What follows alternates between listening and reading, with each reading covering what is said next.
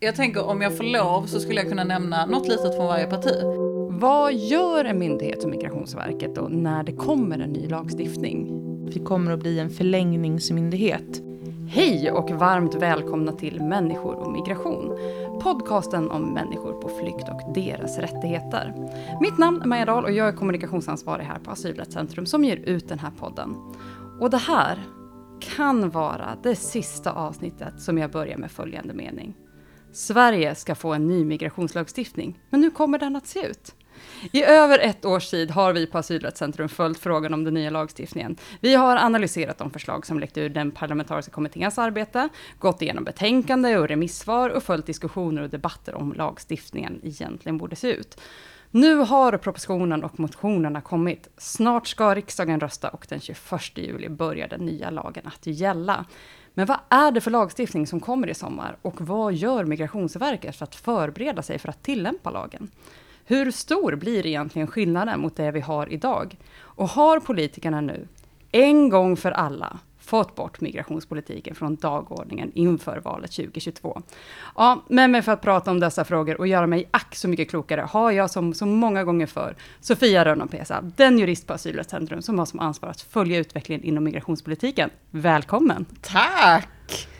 Fint att vara här. Ah, så på härligt! kontoret. Ja, vi, faktiskt. När vi sitter på coronasäkert avstånd, så hör ni eko i rummet så är det för att vi sitter långt ifrån varandra. Men vi är ändå här. Vi är här. Vi är här. Jag känner att jag inte är helt van vid att vara bland folk, men eh, jag gör mitt bästa. Du sköter det jättebra. Tack. och förutom att du är med mig här, så har vi ju någonting som både för mig, men säkerligen även för er lyssnare, är ett mycket kärt återseende.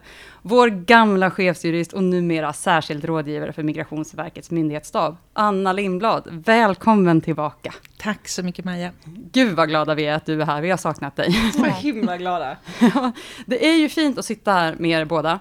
Eh, samtidigt så är det ju också väldigt sorgligt för mig.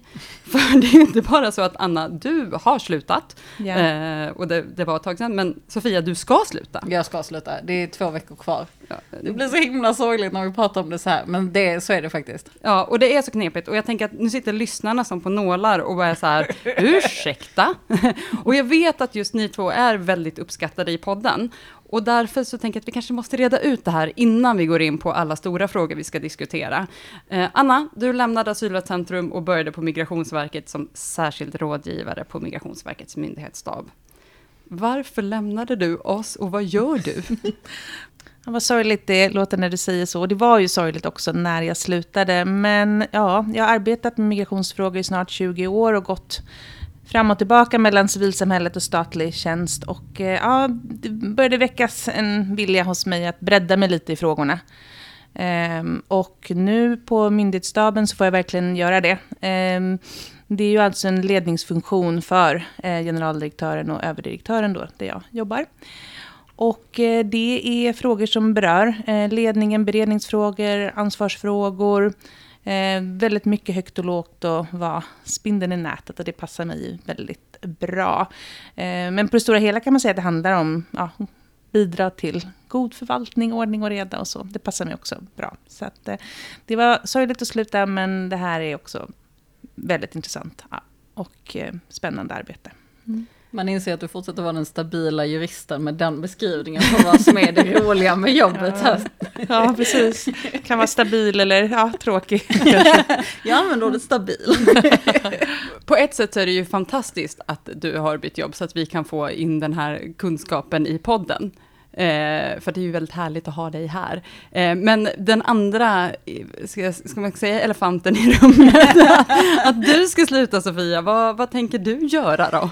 Ja, eh, men jag, alltså jag, jag lämnar ju Asylcentrum så lite som det är möjligt att göra, men fortfarande faktiskt lämna. För jag ska börja jobba på, hos en av våra huvudmän, Rädda Barnen. Eh, och jag kommer börja jobba som policyrådgivare i Europafrågor. Så jag ska ta ett litet steg och börja ha ett fokus på bland annat då migrationspakten faktiskt som håller på att utarbetas i, i EU, men också lite frågor runt omkring som inte bara handlar om migration. Men det kommer ju vara ett barnrätts och Europafokus. Så jag, jag tänker att jag kommer skaffa mig tillräckligt mycket kunskap för att kanske råka komma med i podden ändå. Vi, vi får se helt enkelt, det är jag som Okej, bedömer. det var stelt där. Bjöd in mig själv, fick ett nej. Det är också väldigt roligt att när Sofia säger att hon lämnar asylcentrum så lite man kan göra, det är ju också att i höst så flyttar asylcentrum in och ska dela lokalen med Rädda Barnen. Så att hon kommer inte ens bli av med oss om dagarna, utan vi kommer stå där utanför hennes dörr och säga kaffe. För det är det kollegor gör, de ger mig kaffe. Det är så vår stämning är på kontoret. Absolut. Så ni som lyssnar, vi har det så trevligt. Välkomna hit. Ja, men det låter spännande, Sofia. Grattis till nya jobbet. Tack. Ja, grattis. Ja, jag, jag känner värmen i rösten Maja. Ja, men det är mig du lämnar. Ja. Eh, när vi har nu rätt ut det här så tycker jag att vi hoppar in i dagens ämne, för det är mycket som ska avhandlas. Eh, för idag ska vi prata om förslagen till ny migrationslagstiftning och vad som väntar efter 20 juli 2021. Och det har ju debatterats mycket kring de olika förslagen som ligger på bordet och vi kommer senare prata mer om själva tillämpningen, eh, men även om vad enskilda partiers motioner säger om liksom, framtida möjliga migrationspolitik. Eh, men just nu är det främst två förslag som det står mellan. Regeringens proposition och oppositionens förslag. Sofia, om vi börjar med propositionen. Vad är det regeringen föreslår i korta drag? Väldigt förenklat kan man säga att det är en kombination av det som migrationskommittén kom fram till med de här kompletterande förslagen som eh, vi har snackat om mycket i podden eh, under våren. Det är egentligen det är korta tillfälliga tillstånd, det är eh, försörjningskrav i familjeåterförening och så vidare. En av de lite större punkterna som har kommit med var det här med att vi har en ny humanitär grund för vuxna. Som vi också nog kommer gå in på lite mer senare. Några av de sakerna som var lite förvånande om man har lyssnat, för att vi har ju gått igenom många av de här förslagen tidigare, men några saker som var nya i propositionen, det var att eh, det inte införs något språk eller samhällskunskapskrav för att beviljas permanent uppehållstillstånd nu i sommar. Eh, man har tydliggjort att eh, man förväntar sig att det kommer komma eh, om några år, men just nu i sommar så blir det ingenting av det. Man har också justerat lite undantagen för både eh, försörjningskrav vid familjeåterförening och permanenta uppehållstillstånd. Där man lägger sig på en nivå av att det ska vara särskilda skäl för att man ska kunna undantas från försörjningskravet istället för synnerliga skäl. Och lyssnar man på den här podden så vet man ju att synnerliga är väldigt högt ställt krav, särskilda är lite lägre ställt krav. Så att man, man sänker lite nivån där. Några andra små korrigeringar som har gjorts som inte var uppe för diskussion var att åldersgränsen eh, där man får lov att neka eh, familjeåterförening för makar. Den gränsen var i tillfälliga lagen 21 år och nu så är den istället, den är 18 år precis som den var i utlänningslagen. Och man gör också en eh, språklig förändring när det kommer till eh, vilken typ av uppehållstillstånd man ska ha för att kunna beviljas familjeåterförening. Eh, och det här blir väldigt specifikt, men man säger att det ska vara välgrundade utsikter, eh, välgrundade utsikter att beviljas uppehållstillstånd under en längre tid, istället för välgrundade utsikter att beviljas varaktigt uppehållstillstånd. Och det hör ju alla vad skillnaden mellan de två skrivningarna är. Solklart, vi stänger Ja. av, vi är klara för idag. Ja, Nej, men det, det är inte heller kanske helt solklart eh, även vid, vid tillämpning. Liksom. Men det där är de sakerna som har förändrats utifrån, liksom, ja. Så det är väl en, en sammanfattning av vad proppen säger. Okej, och som jag då förstår det som, så det förslag som oppositionen har lagt är ungefär samma, förutom att det är sju punkter som det skiljer sig på. Eh, vad, vilka är de här sju punkterna? Mm. De sju punkterna handlar om att den här nya grunden för vuxna gällande humanitära skäl ska strykas. Vi har ju snackat om den en del tidigare. Det handlar alltså om att vuxna som har en särskild anknytning till Sverige Eh, kan beviljas uppehållstillstånd på en lite lägre tröskel än vad vuxna vanligtvis behöver när det kommer till att bedöma humanitära skäl. Sen så vill de ha ett krav på att samhällskunskap och svenska ska införas direkt. Visserligen med en undantagsbestämmelse så att det faktiskt inte egentligen tillämpas direkt men så snart som möjligt. Eh, egentligen det som regeringen har sagt, bara det att de vill ha det i skrift. De vill höja kraven för undantag från försörjningskravet för både permanent uppehållstillstånd och försörjningskrav. Så att istället för att det ska finnas ett undantag för särskilda skäl så vill de ha synnerliga skäl. Um, som också var egentligen vad som föreslogs i migrationskommitténs betänkande. Uh, därefter så vill de att uh, de vill också den här formuleringen jag pratade om ifall det är uh, vad heter det, varaktigt uppehållstillstånd eller uppehållstillstånd en längre tid. De vill ha den gamla skrivningen som är då välgrundade utsikter att beviljas varaktigt uppehållstillstånd. Sen har de en sista liten eh, punkt som inte är det som kom från migrationskommitténs förslag. Alltså det man kan säga med oppositionens förslag är egentligen att de vill ta bort allt det som kom med kompletteringarna och förändringarna. Utan de vill utgå ifrån eh, det som migrationskommittén lämnade. Förutom en punkt där de går längre. Och det är att ta bort tre månadersfristen för alternativ skyddsbehövande. Um, och tre månadersfristen, kanske inte alla har direkt i huvudet vad det är. Men det handlar om att tre månader efter det att du fått um, uppehållstillstånd som uh, skyddsbehövande så har du möjlighet att söka familjeåterförening och då undantas från försörjningskravet. Men här vill man göra skillnad mellan alternativt skyddsbehövande och flyktingar. Och det är också så att en annan punkt, den sista punkten, det är att man vill eh, räkna eh, den här tremånadersfristen för kvotflyktingar från eh, när de får uppehållstillstånd i hemlandet och inte när de kommer till Sverige, vilket är det förslaget som regeringen har lämnat. Solklart vad som skiljer dem åt nu känner jag. Ja men det, som sagt, det man kan säga är egentligen att vad heter det, oppositionen föreslår migrationskommitténs förslag med en, en kompletterande punkt som är ganska långtgående skulle jag säga. Mm. Och regeringen föreslår migrationskommitténs förslag med de kompletterande förslagen som man har utarbetat under våren. Och med några andra ändringar efter remissrundorna. Vi kommer ju diskutera ytterligare vad, vad, förslagen också innebär och vilka konsekvenser det här kan få. Men innan skulle jag vilja vända mig till dig, Anna, och Migrationsverket. Vad gör en myndighet som Migrationsverket då när det kommer en ny lagstiftning? Ja, det beror ju på vad det är för lagstiftning och hur lång tid vi har på oss att förbereda oss. Eh, och det, här är ju lagstiftning som påverkar alla ärendetyper hos oss. Så då krävs det ju väldigt mycket förberedelse.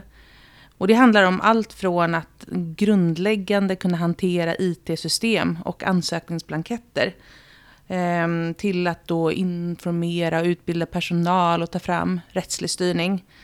Ehm, och en sån här förändring också, den kräver ju väldigt stora kommunikativa insatser till eh, sökande själva såklart, som omfattas av lagstiftningen, men även till andra myndigheter och Sveriges kommuner och, och regioner eh, och andra myndigheter så att de känner till den här lagstiftningen. Så det här är ett jättestort arbete. Och man skulle kunna säga när det kommer ny lagstiftning då att först då är det väl som en förberedelsefas då man planerar och det handlar ju också mycket om att svara på alla eh, remisser och så som kommer från eh, departementet. Eh, och sen så kommer implementeringsfasen och det är ju den som måste påbörjas då från och med den 20 juli eller ja, tidigare beroende på hur man ser det. Men när vi ska börja tillämpa lagen så måste vi ha ett implementerat system. Och jag vet ju att ni har varit ute eh, och pratat, eller sagt att ni önskar att ni hade längre framförhållning när det gäller just implementering av den nya lagstiftningen. Och för mig som då inte är så juridiskt bevandrad som ni är, eller för gemene person, så, så ser det ju ut som att oavsett om det blir regeringens eller oppositionens förslag så ligger det ganska nära den lagstiftning vi har idag, alltså den tillfälliga lagstiftningen. Eh, Alltså, vad blir skillnaden för er som myndighet med den nya lagstiftningen? Mm. Men det är en bra fråga. Mm. För det är ju så att det, det krävs ändå stora ändringar i våra IT-system, i handläggarstödet till de som ska handlägga, fatta beslut i ärendena eh, och den externa informationen. För det är ju så nu att till exempel en, en jättestor fråga är ju eh, vilka som kan beviljas ett permanent uppehållstillstånd. Eh, och då gäller ju det alla ärendekategorier. Så till exempel då arbetstillstånd, eh, som tidigare har haft regler för permanent uppehållstillstånd. Nu ska de in i en annan typ av, eh, av tillståndsbedömning. Då. Och samma sak när vi har då eh, alla anhöriga som kommer på familjeanknytning kommer ju ha tillfälliga tillstånd som ska eh, förlängas vid olika eh, tillfällen. Så det är många nya frågor som vi måste få in i våra system. Eh, men det man hör mest om det är ju just att kanske skyddsbehövande då ska ha tillfälliga uppehållstillstånd eller den nya humanitära grunden. Men för oss är det mycket bredare än så och spänner över mycket större räckvidd.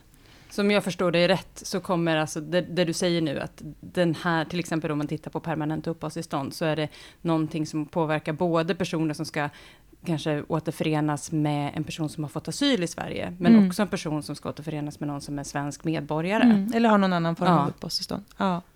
Ah, så att det är ganska omfattande Ja. helt enkelt. Det. Precis, det är väldigt viktigt att eh, det här kommer inte bara påverka asylprocessen utan det ger som sagt avtryck i samtliga ärendeslag. Ja. Hinner ni med, kommer ni liksom hinna med allting? Det, Nej, eh, det är det enkla svaret. Det kommer vi inte göra. Vi arbetar för fullt för att förbereda verksamheten inför lagändringarna då i sommar. Men eh, vi kommer behöva göra prioriteringar. Ehm, och eh, vår främsta prioritering nu, det är ju att ha all, alla tekniska lösningar på plats. För att övergången då mellan lagarna ska fungera så smidigt som möjligt utan glapp. Så att vi ska kunna ta emot och registrera ansökningar. Och så, sen så kommer implementeringen att fortsätta då under, under året, eh, ända in på hösten. Eh, men på kort sikt så arbetar vi alltså med att få till alla tekniska lösningar. Och vi sätter stort fokus på att förbereda utbildningsinsatser till handläggarna. För de måste ju känna sig trygga och fatta beslut med stöd av den här ändrade utlänningslagstiftningen då. Eh, och sen så har vi ju delen om rättslig styrning.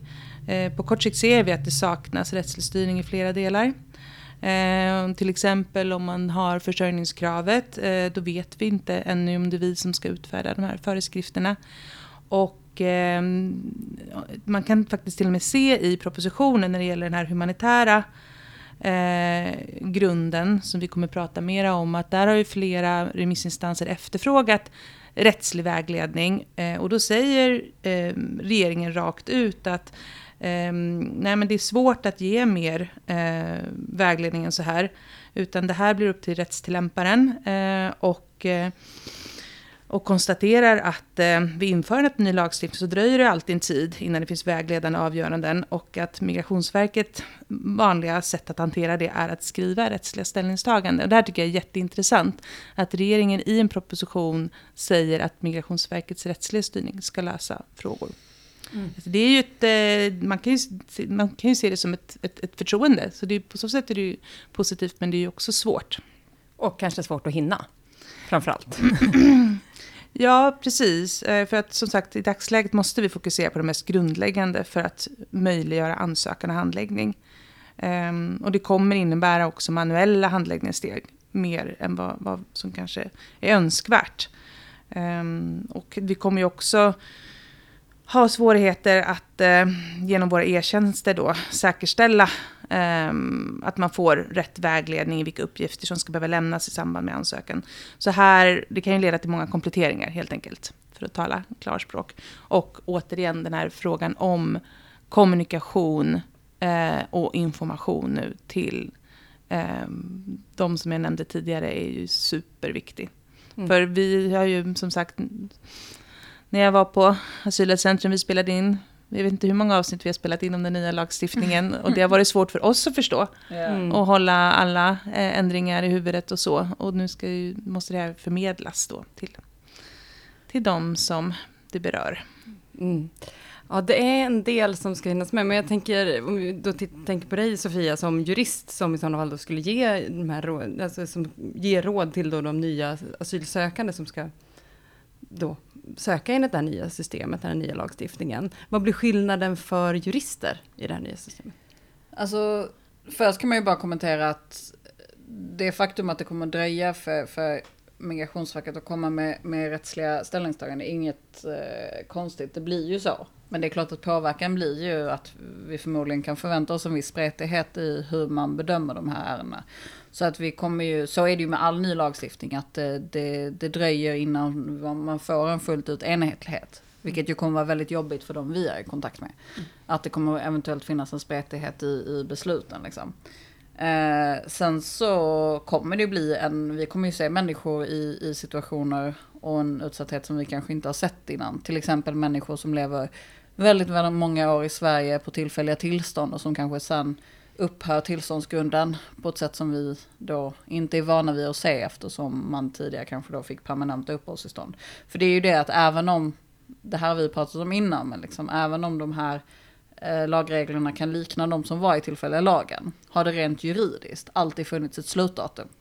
Samma sak med, liksom, med familjeåterförening. Det har alltid varit så att den begränsningen i möjligheten till att familjeåterförenas hör i alla fall i teorin, i den juridiska praktiken, påståtts vara en, ett kort undantag och inte den långsiktiga liksom, situationen. Och nu är vi ju där att så här, om du får nej på att återförenas med familjeåterförening för att du av olika skäl inte kan uppnå försörjningskravet och det dröjer så pass länge kanske att dina blir barn och vuxna och så vidare. Då har ju din möjlighet till, till familjeåterförening upphört någonstans permanent liksom. På ett sätt mm. som inte har varit faktorn under den här tillfälliga situationen. Mm. Sen så, eh, ja, jag, kan, jag kan nog säga mycket om vad som är, hur det här påverkar liksom, vår verksamhet. Men en sak jag också tycker är intressant, det är klart att samtidigt som vi nu gör oss redo, jag tycker att det här blir lite ärliga i att tanken är att det här ska vara en tillsvidare lagstiftning, vilket vi ju såg att många eh, agerade som om den redan var när den var tillfällig.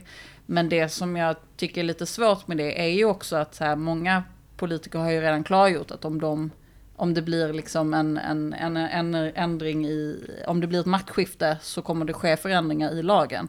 Vilket ju gör att den här långsiktigheten som man som jurist så gärna drömmer om eh, och förutsägbarheten, den vågar man ju inte helt lita på nu heller. Mm. Mm. Jag tänkte också på en sak där Sofia, mm, som jag jobbade ju som processförare i eh, fem år ungefär, alltså mm, de som för statens talan i migrationsdomstolen. Och där slår ju lagen till direkt. Mm, eh, så eh, har man ett mål till exempel i, i slutet på sommaren som rör till exempel då den här humanitära grunden, då måste man ju som processförare kunna svara på vad man har för inställning i de delarna och, och, och övrig ny utlänningslagstiftning. Ja, och det tycker jag är ganska, alltså det uppskattar jag någonstans med eh, valen man gjorde ändå med att eh, avvakta med att införa språk och samhällskunskapskraven. För att jag upplever att det har funnits en ganska stor konsensus om att infrastrukturen inte finns på plats. Och därför inför man inte det nu. Och eh, ja, men vi har ju redan resonerat kring liksom, hur det ser ut med sådana krav. Men just det här faktum att så att säga folk hade ju behövt kunna få uppehållstillstånd på de grunderna alldeles oavsett om det fanns på plats eller inte om man hade infört det nu.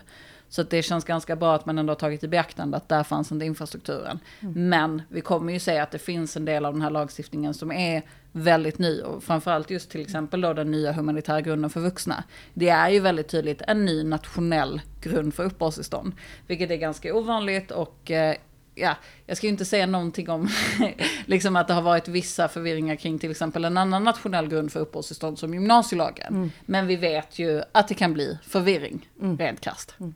Vi kommer ju komma in mer på liksom, humanitära skäl lite senare. Det känns som vi redan har nämnt den typ så här åtta gånger. Det är svårt att gissa vad som är diskussioner. Liksom. Mm. Det brukar bli så när man pratar om den nya lagstiftningen helt mm. enkelt. Eh, men om, jag, om vi liksom går tillbaks till, till då eh, förslagen och nu har det också kommit motioner från nästan samtliga partier, då inte regeringspartierna av förklarliga skäl, för de har propositionen. Eh, men Migrationsverket har även kommit med en prognos för kommande tid när man analyserar den nya lagstiftningen. Och jag tänker att vi ska prata lite grann om det. Och jag förstår att ni på Migrationsverket inte har några åsikter om lagstiftningen och om förslag. Men ni har eh, en analys över kommande lagstiftning i den då prognosen som jag sa som publicerades i april. Och i den finns då analyser över hur lagstiftningen påverkar antalet asylsökande och Migrationsverkets arbete. Och bland annat beskriver ni hur tillfälliga tillstånd som norm kommer att påverka Migrationsverkets arbete. Vi har varit inne lite grann på det redan Anna, men kan du berätta mer om vad det är ni, ni ser framför er? Mm. Jag tror att det som har nämnts vid flera olika tillfällen är att vi kommer att bli en förlängningsmyndighet. Det låter ju lite otydligt, men det handlar ju också då om att alla, som jag sa, att eh, det kommer att vara eh, tidsbegränsade uppehållstillstånd eh, i alla ärendekategorier, förutom eh, kvotflyktingar då. Och alla de här tillstånden kan förlängas. Och tittar man på eh, reglerna för skyddsbehövande, då kan man ju invända att ja, det kommer ju inte så många asylsökande nu och nästan alla får ju ha kvar sin skyddsstatus. Och det stämmer ju, men det är likväl ärenden som ska prövas. Det är mm. likväl ärenden för oss. Eh, och sen så får man ju också se hur reglerna kring upphörande kommer att, att utveckla sig. Jag hörde att ni har utbildning om just detta ämne idag här på Asylrättscentrum. Jajamän, Mm. det har vi. Eh, Så det är väl det man kan tänka på sådär med det skyddsbehövande. Sen är det ju som jag sa alla andra kategorier ärenden där det kommer vara tillfälliga uppehållstillstånd som förlängs.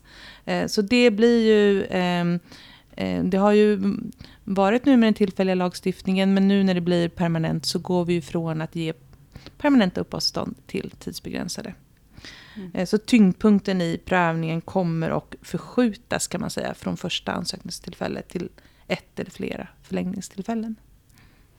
Mm, det är bra också att du, tack för att du nämnde utbildningen vi har hörde, för att vi släpper ju även en rapport eh, om upphörande som kommer ligga på hemsidan. Så den som nu hörde så här, ursäkta, hörde jag upphörande? Absolut, den kan du hitta på vår hemsida och vi kommer länka den även i avsnittet. Men jag tänker kopplat då till tillfälliga tillstånd, eh, så vi har ju varit inne lite grann på det här redan, eh, Sofia, men både regeringen och oppositionen har ju då förslaget om krav för permanent uppehållstillstånd. Eh, för att vara extra tydlig, hur skiljer de här liksom, förslagen sig åt?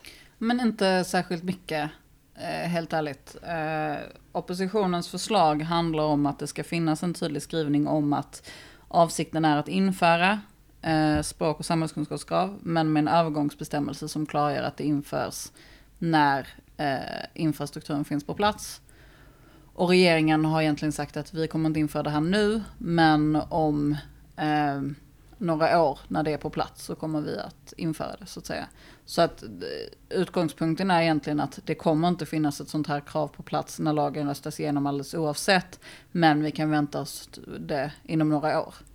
Och jag tycker att det här är ett ganska eh, bra exempel på eh, lite vilken detaljnivå den konflikten som finns inom migrationspolitiken just nu befinner sig på. Mm. För att om man hör, det kan ju låta som att det är liksom för eller emot eh, den här typen av krav. Men det är inte där vi är, utan vi egentligen diskuterar när det ska införas eller inte. Mm. Och, och Anna, då, vi vet då inte om det kommer bli eh, regeringens eller opposition, oppositionens då förslag eh, kring, kring permanenta krav, eller krav för permanent uppehållstillstånd som kommer gå igenom. Men från Migrationsverkets sida, när börjar ni då förbereda ett sånt här? Börjar ni förbereda nu eller avvaktar man alltid till att det finns ett fast datum för att det här ska börja gälla? Jag vågar inte svara på hur man gör i ett genomsnittsfall, men i det här fallet så är svaret nej. Vi har inte påbörjat några förberedelser för eh, ett kunskapsprov då för språk och samhällskunskap. Eh, och det har ju att göra med den här otroligt tajta tidsramen eh, som gör att vi måste fokusera på dem. På det vi ska göra nu till att lagen träder i kraft den 20 juli Mm. och lägga våra resurser på det. Men även för att det saknas närmare detaljer kring förslaget. Ehm, Och då är det svårt att förbereda. För vi vill ju att det ska vara tydligt definierat då exakt vad det här är och vilka bevismedel som sökanden kan använda sig av till exempel. Det är inte säkert att det blir så, men eh, så nej, så svaret är nej. Mm. Men det inser jag faktiskt kanske är en skillnad mellan regeringens och oppositionens förslag. Att kanske hade varit lättare för verket till exempel att påbörja arbetet med att införa de här kraven om det fanns en uttrycklig liksom, skrivning. Eh, än nu när det liksom bara är ett löfte mer informellt. Jag vet inte. Nej, jag vågar inte riktigt svara på det, för jag vet inte heller. Men som sagt, nu ligger ju alla våra resurser på den lagstiftning som vi vet ska träda i kraft. Ja. Mm. Och här tänker jag, alltså vi spelade in ett avsnitt när betänkandet kom, eh, där vi då också hade med remissvar och Flens kommun som bland annat då kommenterade just på det här där man var rädd att mycket av ansvaret för om personer kommer få möjlighet till att få permanent uppehållstillstånd eller inte kommer hamna i slutändan på lärare. Så att här känns det också som att man har, i alla fall då från eh, eller har börjat lyssna på, eller har lyssnat på remissinstanserna och vad de har skrivit. För det var ju flera som påpekade just det här, att det var otydligt kring hur det här ska faktiskt ska funka i praktiken. Mm. Eh, en annan fråga som då har varit en het potatis och som vi har eh, nämnt ett par gånger redan så att säga, det är ju frågan om de humanitära skälen. Och här har det ju då diskuterats friskt om vilka som ska omfattas och hur bestämmelsen ska, ska se ut. Sofia, återigen, vad skiljer regeringens och oppositionens förslag åt? Jag kan börja med att säga vad som är likt. Alltså bägge föreslår att återinföra humanitära skäl i form av att vi har möjligheten för vuxna att bli bedömd eller få uppehållstillstånd om det föreligger synnerligen ömmande omständigheter och barn om det ligger, föreligger särskilt ömmande omständigheter. Alltså det är egentligen om det skulle vara stötande att utvisa dem. Liksom.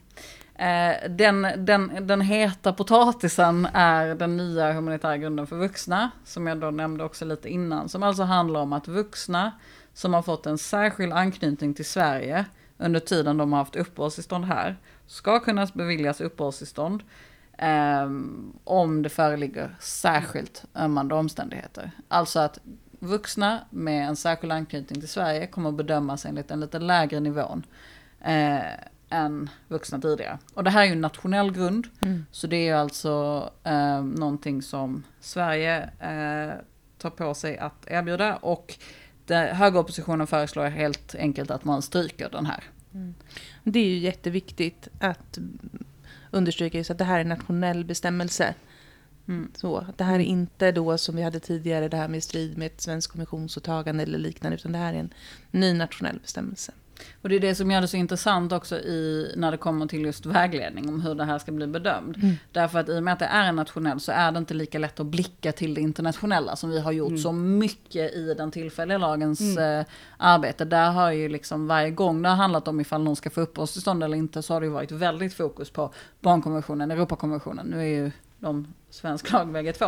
Men liksom att titta mer åt det, mm. blicka åt det internationella nu med den här grunden så kommer det ju faktiskt finnas ett helt annat behov, eller det finns det ju alltid, men ett otroligt behov av rättslig styrning. Och det är ju redan en jättediskussion kring den här frågan har ju varit vem som faktiskt omfattas av den överhuvudtaget. Mm. Och där, eh, det, det vet vi ju inte och jag tror inte heller Migrationsverket vet det än. Eh, men Anna, i, i Migrationsverkets prognos analyserar ju ni vilka som kan omfattas av regeringens förslag till humanitära skäl. Eh, hur många skulle du säga skulle kunna få tillstånd på de här skälen?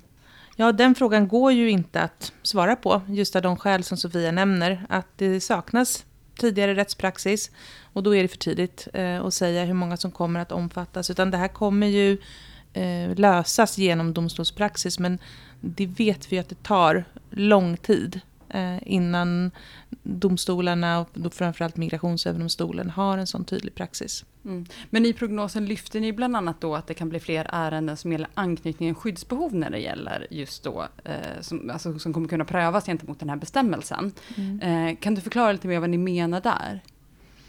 Jo, det vi tror det är ju att asylsökande inte kommer att omfattas i så stor omfattning för att eh, de har ju en skyddsstatusförklaring som hänger ihop med tillstånd. Och i och med att vi eh, hittills inte har återkallat Eh, sådana statusar i någon högre om, eh, omfattning så kommer inte de hamna där att man ska bedöma den här humanitära grunden så är en grund som prövas sist. Men däremot de som inte har den här skyddsstatusen utan har uppehållstillstånd på annan grund. Där kan det ju vara så. De, de tillstånden är ju svagare om man kan säga så eftersom de inte har, är skyddade av statusen och, och då kan ju de i högre omfattning eh, bli aktuella att bedöma enligt den här grunden. Sen om de också beviljas ett uppehållstillstånd, ja det får vi se. Men det kommer ju vara många sådana ärenden. Mm. För det kan man lägga till också bara med den här humanitära grunden som är lätt att glömma. Alltså den här humanitära grunden kräver ju att personen har vid något tillfälle haft ett uppehållstillstånd. Så det blir ju liksom inte aktuellt riktigt vid första asylprövningen. Mm. Eh, så första gången jag söker asyl i Sverige så kommer inte den här grunden vara särskilt aktuell. Mm. Men det blir ju om du har haft uppehållstillstånd i Sverige. Det tänker jag är bra att bara ha med sig. Mm. Det känns ju då som en fråga som jag här i podden då kommer få fortsätta att återkomma till genom åren om inte annat. Då bjuder jag in mig då, då kan jag vara med då. Då får ni vara med. Men Sofia, du har ju förutom att läst då regeringens och eh, oppositionens förslag, eh, har ju du även läst samtliga partiers motioner. Mm, ja, ja. Väl spenderad tid, eller? Ja, ja men det har varit intressant. Ja. Finns det något att, som sticker ut? Eh, ja, men jag tycker alla partier faktiskt eh, jag tänker om jag får lov så skulle jag kunna nämna något litet från varje parti. För du det, får lov. Får jag det? För att annars så känns det så himla jobbigt att ha läst igenom allt det här men inte kan använda det till någonting. Ja, absolut. Eh, för att det man kan säga är ju att jag, jag, tycker överlag att så här att även om det känns som att vi har två olika förslag som står emot varandra nu så handlar det om extremt mycket kompromisser på det här området. Mm. Och det är ganska intressant att se att såklart alla partier har ju sin, sin egna berättelse och idé om hur migrationspolitiken ska gå framåt. Uh, jag tänkte, är det någon du vill höra först? Ska jag gå i ordning eller vad känner du? Du får ta den ordning du finner lämpad. Okej. Eh, jag, jag kan börja här med, med Kristdemokraterna. Eh, en sak som var intressant tyckte jag där var att de vill ha två år för eh, alternativ skyddsbehandling istället för 13 månader. De tycker det är alldeles för, för kort tid för alternativt skyddsbehövande.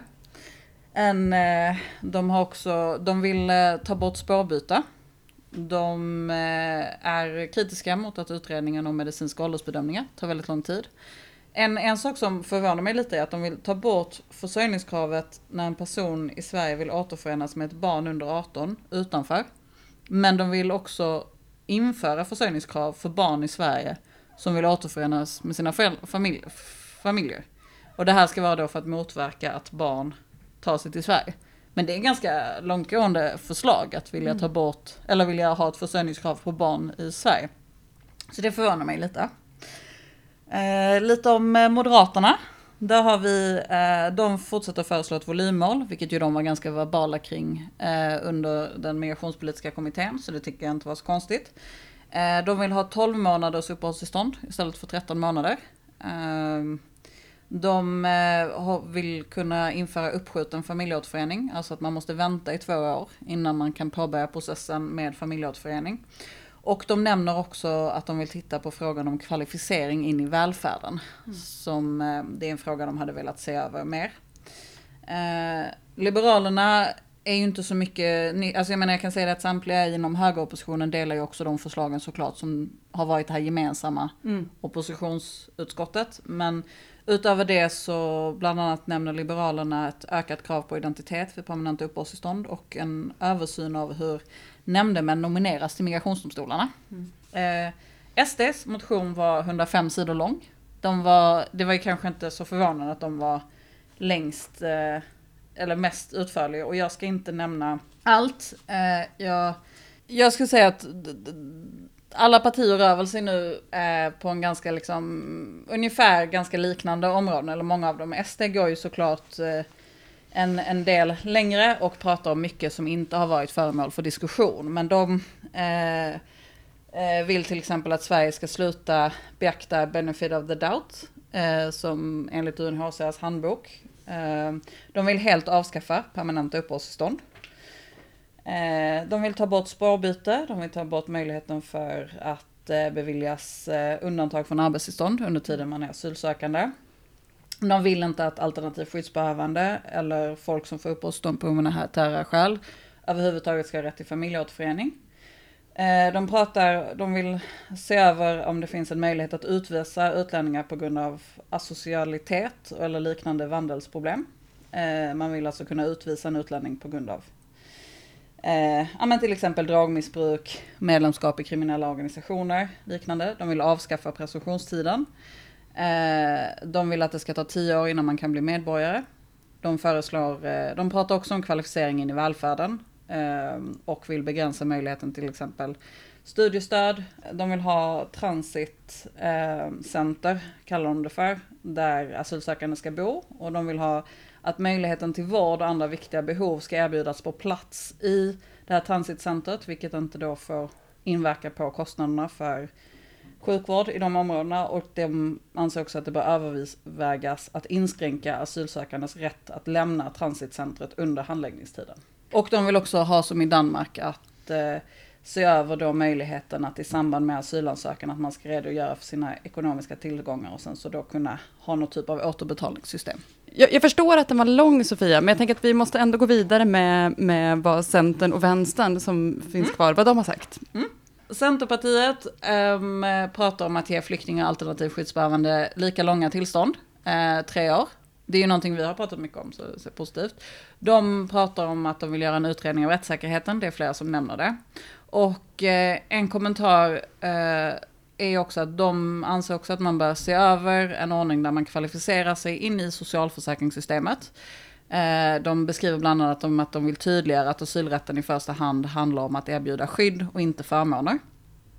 Eh, Vänsterpartiet är enda partiet som säger att de vill återgå till utlänningslagen. Det är en fråga som vi liksom inget annat parti eh, diskuterar, men de, det är nästan som att man har glömt bort att utlänningslagen liksom är det, ja. Den fanns. Ja, och eh, vänstern pratar också om att de vill gärna se förslag kopplade till den så kallade limboutredningen som gjordes 2017 som handlade om att folk hamnar i kläm. Eh, på grund av att man anser att möjligheten att beviljas uppehållstillstånd när det finns praktiska hinder mot att utvisas har varit för hög anser man. Eh, och de vill också nå en lösning kring hur de som har drabbats av bristerna i lagstiftningen som gällt de senaste åren ska få, kunna få uppehållstillstånd. Så de vill få att regeringen ska ge till känna där. Mm. Så det var ett litet axplock kring eh, vad jag har läst i veckan. Eh, Härligt. Och jag, jag, tänker så här, kopplat till det du nu har läst och om vi tänker på vad jag sa inledningsvis. Har nu politikerna en gång för alla fått bort migrationspolitiken från den politiska agendan till valet 2022? Det kan vara att jag kommer att svara nej på den frågan faktiskt. Det är jag mycket vill, möjligt. Jag vill bara höra en jurist yeah. säga ett tydligt svar. Nej, precis. Uh, nej men så, så det tycker jag är jättetydligt att det inte är. Alltså den, det förslaget som, som ligger nu är ganska nära våra liksom, minimiåtaganden på många sätt. Liksom. Och man pratar ju om att man har fått ner Även om vi är kritiska till den typen av retorik, liksom, för att den inte heller är helt eh, kanske underbyggd av forskning så är det ändå så att man pratar att man har nått låga nivåer och så vidare, men diskussionen fortsätter. Och jag skulle säga att några av de förslagen som är omdiskuterade, det är ju ganska små detaljer som är uppe för diskussion. Alltså när vi pratar till exempel om kvotflyktingars tre månadersfrist ska räknas från att de är i landet eller när de har kommit till Sverige. Det är inga jättestora skillnader som är uppe för diskussion. Sen är det ju några av de motionerna som, som jag har lyft, några av de förslagen, det är klart att det skulle få en jättepåverkan. Um, men, men det är uppenbart att det här är en fråga som alla partier har sina egna idéer och att de idéerna kommer fortsätta finnas även om vi får en ny lag i sommar. Mm. Kan man säga någonting om vad de här förslagen eh, säger om hur migrationspolitiken kommer utvecklas? Jag, jag tror att en fråga som har varit inte så uppe för diskussion men som flera partier som jag nämnde lyfter det är det här om att kvalificera in i välfärden. Någonting vi har sett på lång tid är ju att det har varit ganska, i alla partier för kanske förutom SDs motion, att man inte rör så att säga asylrättens kärna, att man inte pratar om vem som faktiskt ska kunna få skydd, utan att man hela tiden tittar på sakerna och rättigheterna runt omkring. Mm. Och jag tror att det är faktum att många nu lyfter det här om, ja men hur, hur ska tillgången till välfärdssystemet se ut och vem ska ha rätt till det och i vilken utsträckning, att det blir en, en fråga som kommer att diskuteras mer och mer. Det, det, det, det ser man liksom indikationer på i alla fall i, i de här motionerna tycker jag. Mm. Och nu tänker jag så att många sitter och lyssnar och tänker så här, kvalificeringen i välfärden. Och sen känns den lite som eh, uttrycket, det finns inga lagliga vägar till Europa. Det kändes för, för några år sedan att man så här, jag hör uttrycket, det känns yeah. logiskt, men vad betyder det? Nej men om man tittar på, alltså vi, vi har ju inga konkreta planer. Det här är fortfarande ganska, alltså vissa partier går ju längre i att definiera vad de tycker. Men där kan man ju gå in i motionen och själva se. Men det där kommer ju utkristalliseras mer eh, med tiden. Men det man kan säga är ju såklart att när du får ett uppehållstillstånd i Sverige så får du också tillgång till flera av liksom välfärdens olika förmåner, till exempel men, olika typer av bidrag och stöd. Eh, och då kommer det ju handla om att det kommer till exempel då dröja eller att man behöver ha vissa typer av tillstånd och liknande för att då nå vissa av de här. Så framtiden får helt enkelt utvisa exakt vad det är man vill driva igenom? Ja, jag tror ja. absolut att olika partier kommer ha olika liksom, långtgående mm. förslag där. Mm. Men jag tror absolut att det kommer att bli en större diskussion. Eh, och Anna, jag ska ju då såklart inte be dig recensera de här motionerna, för då anar jag att jag för andra gången i podden, i poddinspelningen idag får höra ett ord som är nej. Men jag tänker så här, när, hur ser det ut på en myndighet som Migrationsverket när man då ser att det kommer massor med olika förslag, det, man ser åt vilket håll det kanske då, vilka andra som kommer vara uppe på, på agendan. Eh, följer liksom Migrationsverket den migrationspolitiska debatten och i vilket mm. stadie börjar man då ta fram prognoser för konsekvenserna av de här förslagen och fundera kring tillämpning av dem? Mm. Ja, men vi har ju givetvis eh, både nationell och internationell omvärldsbevakning och följer ju eh, frågorna och väntar på det här 22 juni när riksdagen ska rösta om propositionen. Ehm, men precis som du säger, vi är ju en verkställande myndighet och ja, verkställer det som regeringen och riksdagen beslutar. Och i vilket skede så som man planerar för olika scenarier börjar göra det, det vet jag inte. Men, men däremot så har det ju varit så med den här lagstiftningen att vi har varit eh, tvungna att titta på olika scenarier. Eh, vad händer om det blir en lagstiftning eller vad händer om det inte blir det? Eh, och eh, ja, planera för det helt enkelt. Så det har ju också gjort det svårt med förberedelserna. Mm. Innan vi eh, avrundar samtalet nu här idag så tänker jag så att nu sitter ju många och lyssnar på, man, har man räknat hur det ser ut eh, så ser det ut som att regeringens förslag kommer gå igenom. Så varför läggs så mycket vikt och kraft på att diskutera och analysera oppositionens förslag, Sofia? Jo, men det är för att det är ett eh, utskottsinitiativ. Um, och anledningen till att det faktiskt har gått igenom, trots att det ser ut som det gör, det är att det finns falsk majoritet i utskottet. I socialförsäkringsutskottet är de som eh, tittar på, eh, eller som har migrationsfrågorna hos sig. Och då är det lika, men ordförande har en utslagsröst. Och det är en moderat, det är Maria Malmö Stenegard som sitter som ordförande.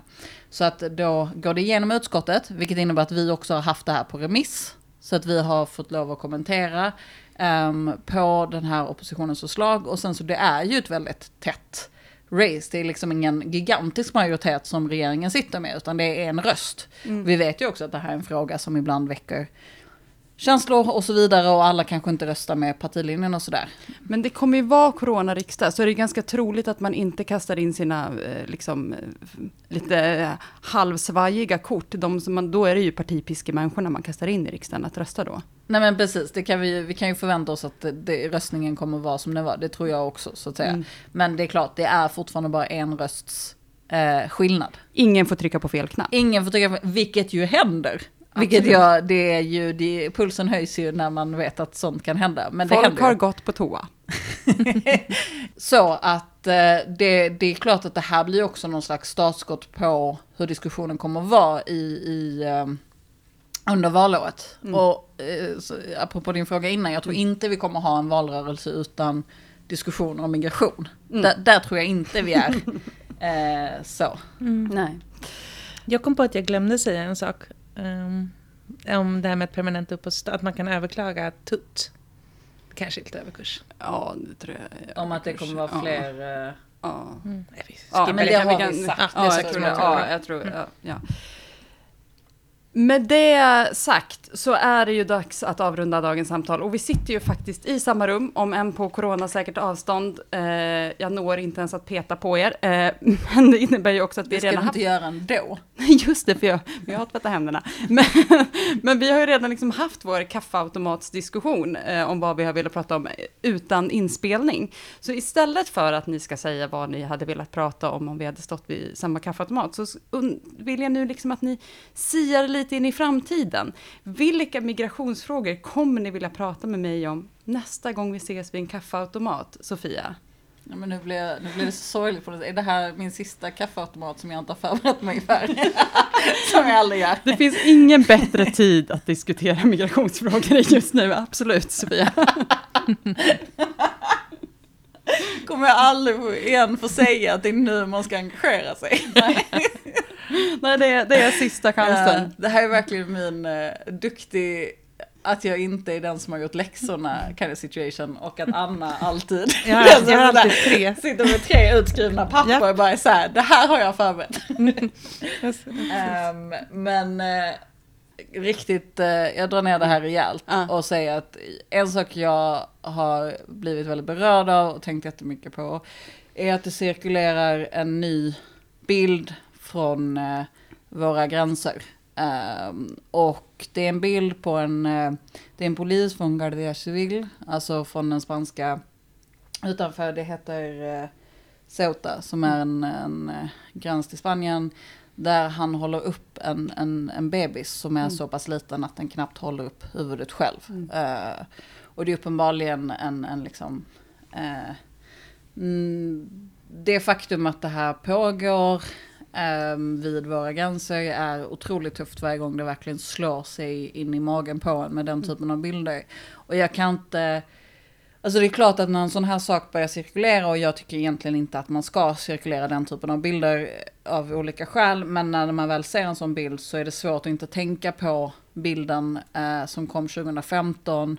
Eh, med den här lilla pojken på stranden med den röda tröjan och hur det slog liksom så mycket runt om i Europa. Mm. Och den här bilden det känns inte som att den får samma genomslag. Det känns som att vi i Europa är kanske lite mer härdade kring vad som händer, kring våra situationer. Det är samma sak som när liksom Moria brann ner. Det känns inte alls som att det gav de reaktionerna man hade kanske önskat att det gjorde. Och jag kan väl delvis fundera över så att säga, har vi blivit för...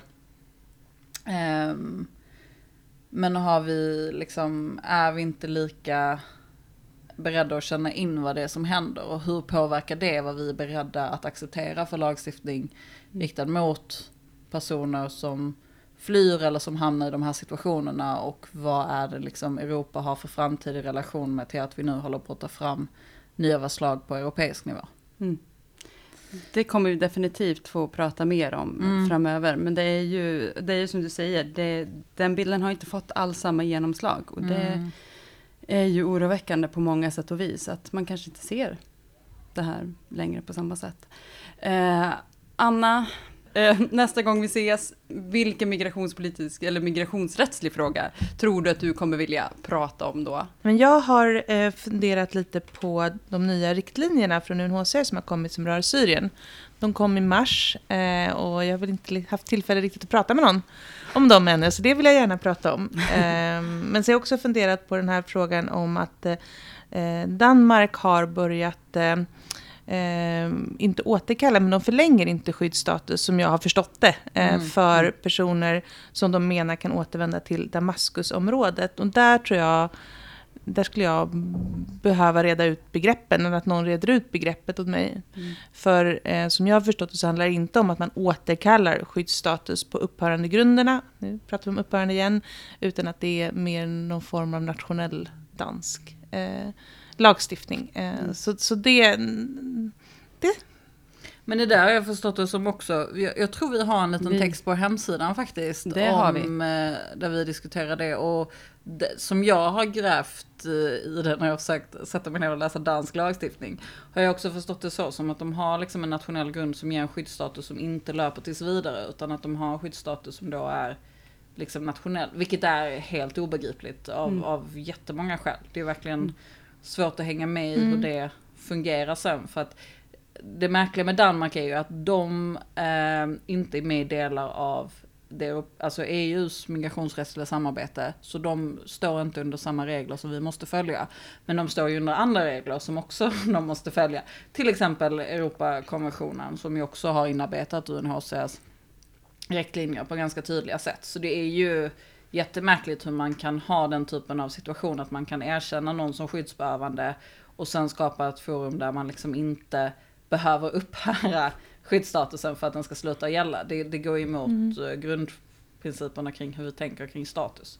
Och det är ju jätteläskigt också med tanke på nu när, alltså om det är den utvecklingen vi ser när vi också har mer tillfälliga tillstånd skyddsstatusen fyller ju en jätteviktig mm. funktion i det. Mm. Ja men du ser, någon behöver mm. reda ut det här. Ja men verkligen. det finns en text på hemsidan, vi, kom, vi kommer länka till den också. Men jag tror ja och texten på hemsidan ger ju inte svar på Nej, det. exakt. Så att det, vi kommer nog behöva fortsätta följa den utvecklingen. Överhuvudtaget så kommer ju utvecklingen i vad som händer i Syrien att vara någonting som Asylrättscentrum definitivt kommer följa framöver. Och för min del nu blir det Just det, Maja, vänta, jag ska bara fråga dig, vad tänker du på kring? Jo, nu blir det blödigt ska du se. Ja. För att jag vet att det här är en migrationspodd. Och jag förstår att det egentligen är, gud, så blödigt skulle det inte bli. Att det egentligen är migrationsfrågor som jag skulle vilja prata mer om. Men Anna, nästa gång vi pratar så hoppas jag att vi verkligen inte pratar om migration, utan att vi pratar om den, den tramsiga dejtingserie som både du och jag av någon konstig anledning har totalt eh, liksom zonat in på och blivit helt besatta av. Eh, och måste reda ut varför folk överhuvudtaget har parats ihop. Och Sofia, med dig så tänker jag att vi kommer vilja diskutera, jag kommer vilja diskutera allt om de senaste Twitterbeefarna som vi har följt med popcornskålen i först, högsta hugg. För visst är det.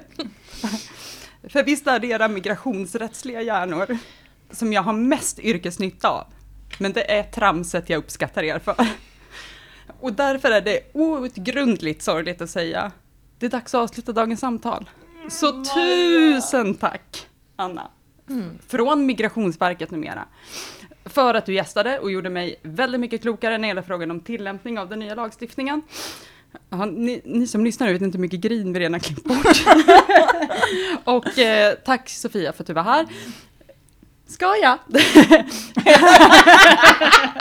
Tusen tack Sofia. Sista gången du glömmer att säga att jag är bra. Nej då. Tack för att jag numera förstår skillnaden mellan de olika förslagen. Och till dig som har lyssnat, tusen tack för att du har lyssnat som vanligt. Eh, ursäkta grinet på slutet, men så blir det när det är sista avsnittet i den här liksom, konstellationen. Har du frågor eller funderingar eller en skärpning fröken som du vill skicka till mig så gör det. Kontakta oss på Asylrättscentrum, ni är alltid välkomna att ställa frågor till oss. Ni kan även skicka frågor till oss på Twitter på sveref-org. Där besvarar vi allting. Glöm inte att prenumerera på podden och tipsa gärna någon som ni tycker borde kunna mer om migrationspolitik och nästa avsnitt kommer handla om upphörande. Och det kan jag säga, det kommer ni inte vilja missa. Ha det bra!